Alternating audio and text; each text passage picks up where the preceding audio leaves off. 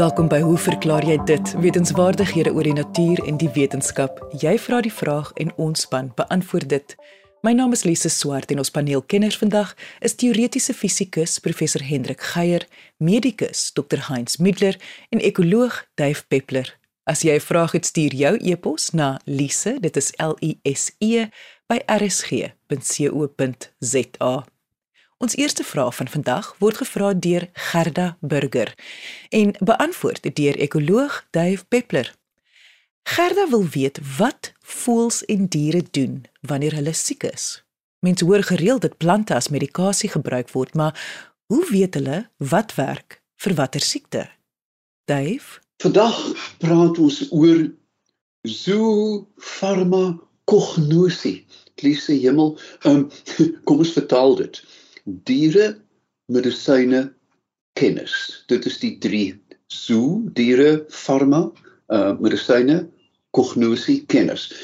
Jare gelede werk ek in die Kilombero Vallei in Tansanië. Dit is een van die mees fabelagtige plekke op aarde. Uh, niemand kom daar nie want daar's baie malaria, krokodille en tiervisse. Hoe dit ook al sê, dit is in die hart van 'n uh, reuse rivierbedding van die Kilombero Vallei. En ek was daar betrokke by die aanplant van uh Burmeese kiaat, 'n baie duur houtsoort. En een van die jong uh plantasies is aan mekaar verniel deur olifante. Hulle het boontjies omgestamp en heen en weer gestap deur hierdie um plantasie. En ek is gevra om te kyk en ek het daar lank rondgestap en uiteindelik kom ek op 'n kleigat uit waar die olifante klei vreet. Ek het voorgestel dat ons in in vier windrigtings paaie maak na hierdie klei gat toe sodat hulle vrylik daar kon uh, uitkom. Binne 'n dag het al die skade opgehou en die olifante het nou 'n pad na die apteek toe gegaan.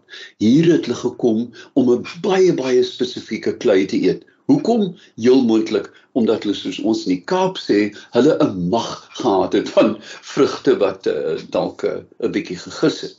Nou ja, die groot vraag wat wat eintlik hier gevra moet word is is hierdie kennis geneties bepaal of is dit aangeleer hoe weet diere dat hulle sekere plante of grond moet eet as hulle siek is nou ja hierdie term is net van toepassing op diere nie op mense nie want ons het aptekers natuurlik maar dit is diere wat plante klei insekte of selfs psigoaktiewe plante vreet om 'n sekere uitkoms te kry as hulle nie goed voel nie. Wat is die meganismes? Die eerste en belangrikste een is natuurlik parasietbeheer. Ons weet dat dat alle byna alle diere het interne parasiete ook by die mens lintwurms ronde wurms 'n hele um, spektrum van parasiete wat in jou ingewande leef. En as die lading te hoog word dan moet jy natuurlik iets daaraan doen en diere weet dan ek moet gras vreet of klei vreet of wat ook al om hierdie plaag te beheer. Die tweede vraag wat ons moet vra is hierdie aksie die vreet van plante en grond? Is dit profilakties? Met ander woorde is dit voorkomend? Of is dit helend? Word dit gevreet nadat die siekte toestand of die parasitiese toestand reeds gemanifesteer is? Nou ja ook jare gelede stap ek met my geliefde vriend Rob Martin in die veld teen Botmaskop en waar waar die pad teen die berg ingesny is sien ons Pietjie kanaries en geelpootbosduwe besig om klei te vreet. En ons het dadelik gaan stil staan sê wat op aarde gaan hier aan. Na die seisoen gekyk het ons dadelik besef dat dit is nou wille olyftyd en netlik hierdie duwe vreet die wille olywe en daar is baie toksines. Met ander woorde, as jy die voedingswaarde van hierdie giftige kos wil benut, dan moet jy klei eet om die gifstowwe te buffer en ons het dit uh, gepubliseer en dit was eintlik 'n baie belangrike publikasie oor selfmedikasie in die voëls van die Boland. Nou ja, ons weet ook dat veldpoue in nie hier by ons nie, maar veral in Europa uiters giftige insekte vreet ook om parasiete te beheer en jy moet een of twee daarvan vreet want 3 of 4 maak jou dood. Met ander woorde, hierdie is uiters toksiese. Ons ken hierdie insekte op blomme met die gestrepe, die swart en rooi, swart en geel, swart en wit aposomatiese kleure wat bewys of uh, aandui dat hierdie insekte baie giftig is. En vreemd genoeg het hierdie poue geleer om hulle te vreet om interne parasiete te beheer. Nou, um, by soogdiere is dit eintlik alonbekend dat vir al die groot ape baie plante eet. Ek was onlangs weer in Rwanda en mens sien dan terwyl hulle um sagte kossies eet dat hulle sekere harige plante uh, met of plante dan met harige blare dat hulle dit nie kou nie maar die blare heel insluk en hierdie is natuurlik dan 'n fisiese manier om van interne parasiete die stekels daarvan krap die parasiete letterlik in die ingewande los Ons weet ook by honde en katte, jy weet as 'n kat so half vreemd na jou kyk en dan uitstap en lang tand aan 'n stukkie gras kou en dan minute later 'n groot grasbol opbring, dan weet jy daar's fout met die kat of die hond se maag. Daar's irritasie, daar's parasiete en dis juist die tyd om jou dier dan te ontwurm grondvreet wat vir my baie interessant is geofagie. 'n Mens kry dit ook by die mens. In Tansanië is daar sekere klei tablette wat wat vrouens wat swanger is, dan lek gedurende die swangerskap om spoorelemente op te doen. Ons weet natuurlik dat indien sekere spoorelemente nie in die ontwikkeling van die fetus teenwoordig is nie, ernstige afwykings gespina, 'n uh, bifida, um die gesplete lip en ander probleme kan ontwikkel indien hierdie spoorelemente nie beskikbaar is gedurende die swangerskap nie. Dit absorbeer natuurlik ook toksines binne in die maag. Dis 'n teensuurmiddel, um dis 'n um, 'n teendiareemiddel en ook dit beheer natuurlik endoparasiete. Ons weet ook dat beere in die noordelike halfrond sekere plante kou, dit meng dan met baie speeksel en dan aan hulle hare smeer om insekte buitende insekte af te weer. Gewoonlik is die uh, die um, aktiewe bestanddeel in hierdie plante coumarin. Um Ons weet ook dat sekere van die groot ape duisend pote tussen die hande fyn maak of die voorpote, ons noem dit maar hande en dan aan die pels smeer om so buitende insekte, mure en muggies en muskiete af te weer. Meer bekend in die noordelike halfrond selfs hier by ons is die muurbad. Sekere uh, voël, grondvoëls gewoonlik met 'n hoë lading van buitende parasiete sal oop vlerk gaan lê teen 'n muur soop dat die mure oor hulle skarrel en dan muur suur vrylaat wat die parasiete dan laat afspring.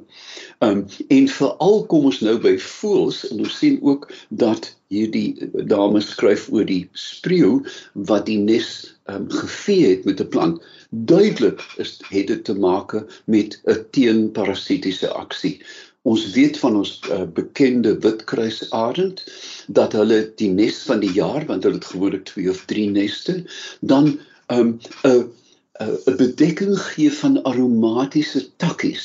En voor hulle begin eiers lê die eiers dan op hierdie aromatiese takkies lê en dit beteken dat wanneer die kuiken dan um, uit die dop kom dat dit nie dadelik deur uh, parasiete aangeval word nie So duidelik is daar reg deur die diereryk grootskaalse gebruik van plante, grond en insekte om siektes toestande te beheer of welstand van die dier te bevorder. Net soos tuiniers weet uh, ons natuurlik dat hulle van metgeselplante weet. As jy knoffelplant by wortels byvoorbeeld is dan minder insekte pla op beide. So het die diereryk ook hulle eie veldspense.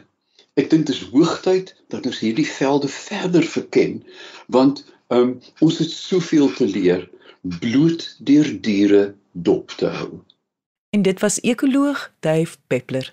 Ons gitsvraag van die dag word gevra deur Piet Nel van Jeffreys Bay en beantwoord deur medikus Dr Heinz Middler.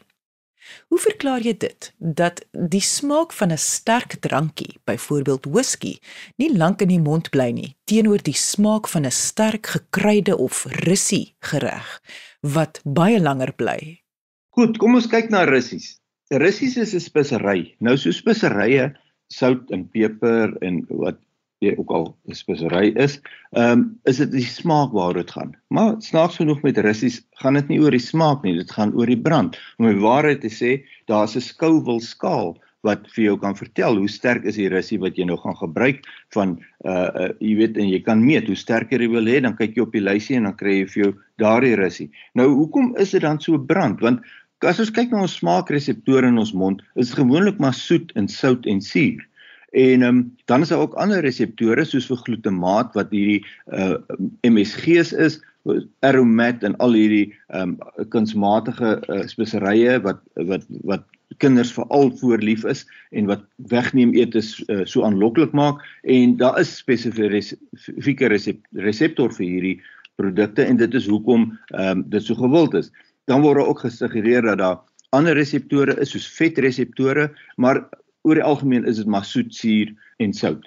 Nou russies moet tog daardie smaakreseptore stimuleer en dit is uh, wat dit die smaak gee, maar sy bekommernis is die brand. Hoekom brand dit? Nou russies bevat 'n sekere stof capsaicin en dit is wat die brand veroorsaak. Dit stimuleer nou wel al hierdie ander reseptore, maar dit stimuleer ook ander reseptore soos die nosie-reseptore. En nosie beteken pyn. Die nosie-reseptore en spesifiek is daar baie navorsing gedoen op die reseptore. Praat ons van die TRPV1 reseptor. Nou in Engels is dit die transient receptor potential vanilloid, um 1 reseptor. Nou dit is 'n groot woord en die vertaling daarvan is waarskynlik redelik onmoontlik, maar dit is 'n pynreseptor en as hy gestimuleer word, dan ervaar jy brand en jy ervaar pyn. En dit is presies hoekom 'n russie dan brand, want hy rus hy, hy stimuleer nie net jou smaakreseptore nie, maar veral hierdie ehm um, pynreseptore. Die deel van die vraag is dat as jy nou 'n whisky of 'n brandewyn in jou keel afgooi ehm um, na harde dag se werk, hoekom brand dit? En die rede daarvoor is dit stimuleer ook hierdie reseptore. Maar nou moet ons onthou daar is 'n verskil tussen russies en alkohol. Alkohol is 'n vlugtige stof. So as jy dit in jou mond sit en dit is wateroplosbaar, ehm um, dit stimuleer nou wel jou TRPV1 reseptor, maar dit gaan nie lank in die reseptor bly nie. Dit is hoekom die brand is vinnig weg nadat jy gesluk het, is dit nou so 'n paar koue en dan is die brand heeltemal weg, want dan is dit nie meer aan die reseptor ge gekoppel nie. Met uh, die capsaicin wat jy in russies kry, is dit anders, want hierdie stof is olie. So dit is 'n olieoplosbare stof in die die medium in jou mond is wateroplosbaar. So hierdie capsaicin sit vir baie langer aan hierdie reseptor en die brand hou aan totdat dit naderhand bietjie en bietjie van die reseptor verdwyn en dan verdwyn die brand ook eers. En dit was medikus Dr Heinz Middler. Indien jy 'n vraag het, stuur jou e-pos na lise, dit is L I S E by rsg.co.za. Volgende gaan teoretiese fisikus professor Hendrik Geier Dr Piet Engelbrecht se vraag beantwoord. Dr Piet vra: Is daar 'n verskil in die gewig van 'n kas of 'n hok van ogiestraat gemaak met 50 duwe daarin waar almal op die basis van die kas sit en geweeg word of as die duwe opvlieg en die kas dan weer geweeg word? En as mens stadig stapsgewys lugdig maak en as die duwe dan opvlieg, sal daar 'n punt kom waar die lug deur gaatjie uitblaas? Maar ek weet nie waar Dr Piet aan hierdie vraag gekom het nie. Dis eintlik 'n vraag wat 'n mens van weet wat 'n redelike langerige geskiedenis het in die omgang. Ek weet nou nie of dit 'n vraag is wat om braaivleisvure gevra word nie, maar op die internet is daar duidelik 'n stuk geskiedenis aan hierdie vraag en dit word gewoonlik so aangebied met 'n bietjie van 'n storie vooraan naamlik motoris wat 'n vragmotor voor hom op 'n nouerige paadjie eers eh, sê maar in die, in die Amerikaanse platteland waar daar nog baie bruggies oor riviere is sien ry en elke keer as die as die vragmotor by so 'n bruggie kom stop die vragmotorbestuurder en hy klim uit en hy slaan met sy stok teen sy vragmotor agter dan ry hy vinnig oor en die proses herhaal homself en dan uiteindelik kan die motoris nou nie meer sy nuuskierigheid bedwing nie en hy vra wat aangaan en die vragmotorbestuurder se verduideliking is dat sy vragmotor net so min of meer met die duwe daarin min of meer op die grens of net oor die grens is van wat toelaatbaar is om oor daardie bruggies te beweeg en hy jaag net die duwe op om net die vragmotor 'n bietjie ligter te maak terwyl hy daar oor ry. Nou die vraag terloops uh het selfs al die aandag gekry van twee vindingryke en spitsvondige TV-aanbieders wat dit hulle besigheid maak of gemaak het om allerlei voorstedelike mites te ondersoek om agter te kom watter van hulle nou inderdaad water hou al dan nie en hierdie was een van hulle. So daar is 'n beskrywing wat 'n mens kan sien uh op die internet uh ten minste woordeliks. Ek weet nie of dit per video greep vasgevang is nie, maar in elk geval hulle het probeer om om deur direkte meting 'n antwoord op hierdie vraag te kry. En om 'n lang storie kort te maak, hulle het hierdie eksperiment gedoen met duwe en daar's nou 'n hele snaakserige vooraf beskrywing van hoe hulle gesukkel het om die duwe te laat vlieg uh, soos wat hulle veronderstel was om te doen op die regte moment dat hulle dit later dieselfde eksperiment met 'n helikoptertjie ehm um, 'n radiobeheerde helikoptertjie deurgevoer het uh, en selfs opgeskaal het na 'n groter helikopter en uiteindelik tot die slotsom gekom het uh dat die gewig van die houer plus die duwe wat opvlieg of die helikopter wat eers op die grond of op die bodem van hierdie houer sit en dan later opstyg uh dat die gewig presies dieselfde is. En dis nie te moeilik om te redeneer waarom dit eintlik so behoort te wees nie want as 'n mens nou sê nou maar met die met die helikopter in gedagte dink dat die helikopter as dit ware daar in die lug hang en jy vra watter kragte werk nou in op die helikopter dan is dit natuurlik gravitasiekrag wat afwaartse krag is en om hom daar in die lug te hou moet hy gerugsteun word deur lugdruk. Nou dit is natuurlik nie sommer net so 'n eenvoudige analise om te maak om presies uit te vind hoe hierdie opwaartse druk as dit ware uitgeoefen word. Maar die feit van die saak is daar word ook 'n opwaartse krag op die helikopter uitgeoefen en vir dieselfde prys dis nou wat ons sedert Newton se formulering van sy derde wet weet is dat die helikopter oefen natuurlik dan ook 'n krag uit op die lug, kom ons sê maar die lugkolom wat hom ondersteun en daardie krag word uiteindelik oorgedra aan die bodem of die die platform uh, aan die onderkant van die van die houer waarin al hierdie goed nou afspeel. So om daardie rede sou 'n mens in die eerste plek al vermoed uh, dat daar nie 'n verskil is in die gewig van die kas met iets wat daarin vlieg vergeleke met wanneer die vleiende ding onder op die bodem van die kas sit nie. Maar interessant genoeg uh, is is daar darem 'n bietjie meer te vertel rondom hierdie hele storie en ek het afgekom op 'n stuk werk wat gedoen is deur 'n groep ingenieurs by die Universiteit van Stanford. Dit is 'n groep meganiese ingenieurs onder leiding van iemand met naam van David Lentink wat in 2015 nou 'n detail studie gemaak het hiervan. En wat hulle gedoen het was om twee papegaaitjies uh, af te rig om eers in 'n hokkie op 'n stokkie te sit en dan te vlieg om dan 'n entjie verder in die kas uh, weer op 'n stokkie te land en hulle het aan die wande van hierdie kas drukmeters opgestel wat hulle in staat gestel het om gedetailleer tydens die vlug die afwaartse krag te monitor. En wat 'n mens nou uiteindelik in 'n in hulle resultate sien is grafieke wat enerzijds die gewig van die voeltjies wys en dan die variasie in hierdie afwaartse krag soos wat die voeltjie of die papegaaitjie se vlerke op en afklap en interessant of weer nie te onverwags as 'n mens nou aan die fisika van die saak dink nie. Wanneer die vlerke van die papegaaitjie afklap dan is die krag wat uitgeoefen word amper twee keer die gewig van die voeltjie terwyl met die opwaartse slag kan hy as dit ware amper gewigloos raak Jy luister na Hoe verklaar jy dit op RSG? As 'n mens wonder hoekom sou jy byvoorbeeld met die afwaartse klap 'n groter krag registreer op die houer, uh, dan het dit natuurlik daarmee te maak dat jy praat van 'n onmiddellike versnelling opwaarts soos wat die voeltjie vlieg. Dit reflekteer dan uiteindelik daarin dat die dat die krag wat uitgeoefen word nie net die gewig van die voeltjie is nie, maar ook die krag wat uitgeoefen word omdat hy opwaarts versnel. So oor tyd sien 'n mens nou tipies 'n grafiek wat 'n aantal pulse het. Die hoogtepunt van hierdie pulse is wanneer die uh, vlekklap af uiteindelik omdraai en dan die laagtepunt van hierdie van hierdie pulse is weer wanneer die vlerke aan die bokant as dit ware hulle maksimum hoogte bereik het. So hulle kon nou op 'n detail manier aantoon dat wanneer so 'n voël vlieg, uh daar nie sprake is van 'n konstante gewig of krag wat uitgeoefen word op die bodem van die houer nie, maar dat dit wissel na gelang van hoe die vlerke geklap word.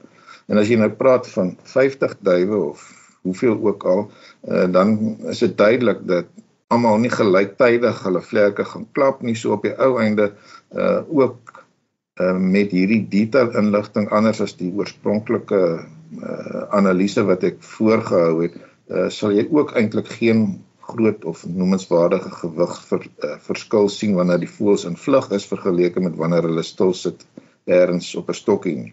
Dr Piet uh hou nou 'n scenario voor waar hy nou sy oogies dra uiteindelik met die stewige wande of toewande van 'n hok vervang uh, soos wat hierdie eksperiment van David Lentink hulle uh, inderdaad gedoen het. En nou wonder hy as 'n mens nou hierdie omsluiting van die hok sistematies doen tot daar uiteindelik net 'n gaatjie is, wonder hy of daar nou lug daar by die gaatjie gaan uitpeel. Uh, en dan moet 'n mens vra kan die druk nou noemenswaardig toeneem soos wat voels daar fladder. Nou, om 'n lang storie kort te maak, nou, as 'n mens dink oor die druk wat 'n gas uitoefen, daar is uh, in fisika wat bekend staan as die kinetiese teorie van gasse, uh, dan kan 'n mens in verband aflei tussen die gemiddelde spoed van die molekules want onthou mense kan nou sulke dinge soos druk en temperatuur direk in verband bring met die individuele beweging van molekules in so 'n gas. Hoe dit ook al sê, die druk varieer eweredig met die kwadraat van die gemiddelde spoed waarteen hierdie molekules beweeg. En nou moet 'n mens vra nou teen watter spoed beweeg molekules tipies sê maar by standaard temperatuur en druk 1 atmosfeer 20 grade is dit van die orde van omtrent 500 meter per sekonde. Dit wissel natuurlik na gelang van die massa van die molekules of jy nou praat van stikstof of suurstof kan daar klein variasies wees maar orde grootte min of meer 500 meter per sekonde of 1800 km per uur. Nou as 'n mens nou byvoorbeeld as bron van die bewegende lug uh, iets soos 'n huishoudelike waier neem tipies met 'n deursnit van omtrent 'n halwe meter uh, die goed roteer teen om 20 omwentelinge per minuut, dan kan jy nou gaan uitwerk hoe vinnig beweeg die punt van so 'n lem tipies teen omtrent 20 omwentelinge per minuut uh, roteer en jy uitvind wat of bereken wat is die spoed op die punt van die lem, uh, dan kry jy omtrent uh, 20 meter per sekonde en dit kan jy nou vergelyk met die 500 meter per sekonde wat ek pas tevore genoem het. So die toename in die spoed van van hierdie lugmolekules is nie 'n baie groot faktor nie en bovendien moet 'n mens nou in aanmerking neem dat as jy nou as dit ware die lug daar binne klits wat jy ook al gebruik beïnvloed op 'n gegeewe stadium maar net 'n klein breekdeel van die van die van die molekules wat in elk geval daar heen en weer beweeg. So weer eens sit 'n mens met die situasie dat deur die lug daar binne in rond te klap as dit ware gaan jy nie noemenswaardige verandering aanbring aan die druk wat daar in elk geval is nie. So jy kan nie verwag dat jy uh, as dit ware deur hierdie houer is gaatjie kleiner en kleiner te maak uiteindelik gaan sit met iets waar die lug soos by 'n ballon uitpeel wanneer jy hom met 'n spelk prik nie. So ek dink iets wat 'n mens onomwonde kan sê is dat as jy 'n klomp voëls in 'n kas het of dit nou oogiestraat is of 'n of 'n lugdig kas en jy hulle op een of ander manier opgejaag kry en jy nie regtig 'n verskil kan meet in die gewig wanneer hulle in die lug is uh, vergeleke met wanneer hulle almal stil sit nie. Uh en of jy nou oogiestraat daar het of of 'n toe of 'n toekas maak ook uiteindelik nie regtig 'n groot verskil. En dit is teoretiese fisikus professor Hendrik Geier.